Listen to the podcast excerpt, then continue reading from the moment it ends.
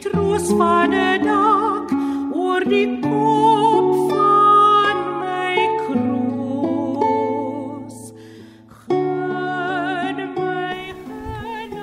Vincent Olifant, ons het nou sopas geluister na die toonsetting van een van jou gedigte wat Lucretia Sikwebo uitgevoer het. Het jy ooit kon dink dat jou werke getoonset sal word? Nie tot die mate wat nou gebeur het. Toe my bundel die sagte vlees in 1998 uitgekom het, as twee van die gedigte getoonset spesifiek vir die bekendstelling van die bundel.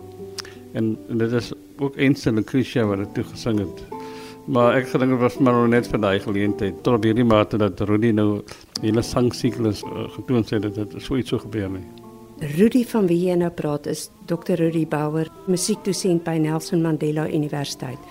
Nou, hoe het julle baie gekruis? 'n Tyd terug het was Rudy besig om 'n uh, getoonset gedigte te speel.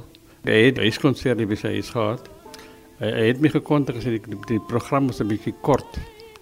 Dit het my gebel om te vra of, of ek van my dit sal voorlees om net 'n bietjie die, die program aan te vul. En so het ek ingestem en dit was ook 'n baie baie interessante ondervinding. En hierso by ons nou is um, Dr. Rudy Bauer wat die bekende sopraan Lucretia Sikwebo en Vincent bymekaar uitgebring het in 'n uitstekende produksie.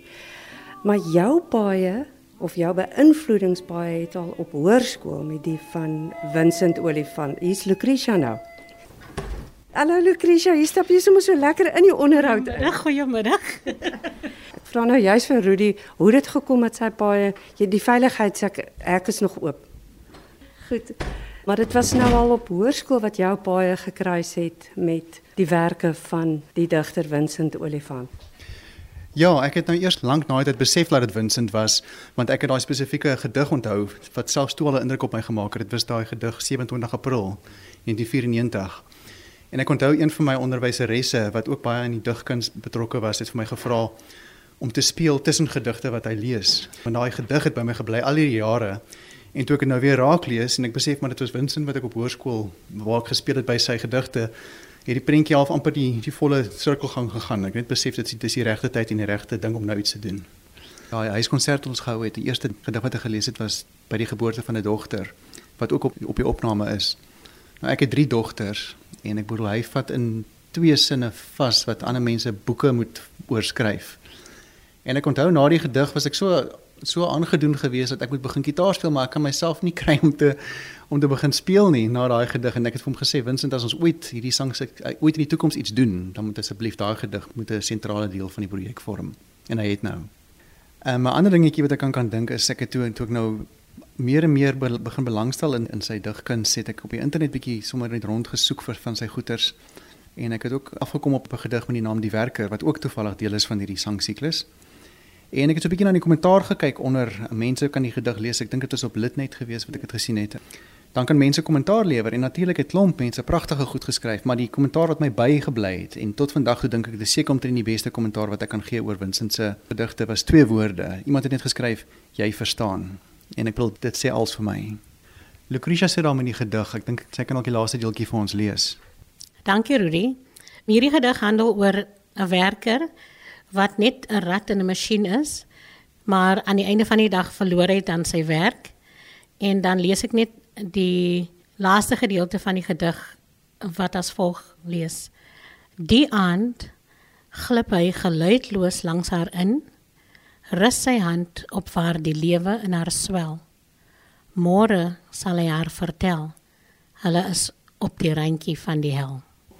Vincent het die eerste keer op my indruk gemaak toe ek een van sy digbundels moes ek een van sy gedigte sing. Dr. Zelda Potgieter het die gedig getoonset. Die naam van die gedig was Woorde en dit is waar ek Vincent vir die eerste keer sy sy gedigte gehoor het en dit het my net gegryp en ek lees nou nog van sy gedigte so ja dit is hoekom hy was die eerste een wie ek aan gedink het en nou het jy 'n volskaalse produksie saamgestel. Dit is ongelooflik ek kan nie sê hoe hoe dankbaar ek is om met 'n digter en 'n musikus dit is vir my net wonderlik om net alles saam te sit want sonder die woorde vir my as 'n sanger beteken nie nie dat die musiek niks beteken nie, maar dit gee dit net daai ekstra betekenis. So ek is baie dankbaar dat ek gemaklik kon sing want Rudy het my altyd in gedagte gehou toe hy die musiek skryf en die feit dat ek Vincent gedigte weer kan sing. Nou van al hierdie wat julle nou saamgestel het, julle drie nou saamgestel het, watter een is jou gunsteling? Hierdie lewe. Wat is die som totaal van 'n mens se lewe? Wat die resultaat van al strewe? Aan watter maat word alles gemeet? Dit vat alles net saam en aan die einde van die dag is dit net jy en jou wedergeboorte. Dit het persoonlike betekenis vir my in my lewe. So en ek dink dit is hoekom elke gedig baie spesiaal is. Jy praat nou van persoonlik, professioneel is jy sopraan, maar jy's ook 'n onderwyser. Professioneel is ek 'n mezzo-sopraan. Ek is so 'n bietjie lui vir die hoë note, so 'n mezzo-sopraan. Ehm um, soos ek ouer word, raak die note laer. So ek is heel gemaklik daarmee en ek is 'n hoërskoolonderwyser, yes. Ek gee musiek by Linkside War. Vincent, ehm um, deur watter temas werk die produksie? Toe ek en Rudy in die begin gepraat het oor het, het ons besluit om te kyk na soort van sleutelmomente in die gang van die lewe, die soort dinge waarmee feitelik alle mense doen kry. Byvoorbeeld, jy raak verlief, jy het 'n verhouding, die geboorte van 'n kind, daar sekere miskien moeilike tye wat jy deurgaan en so aan. Jy vra by oend wat is die sin van die lewe en so aan. So dit is baie persoonlike temas waarmee die meeste mense of alle mense behoort te kan identifiseer. So as deel van die serie skyn die gedigte ook in die bygaande boekie wat saam met die serie kom.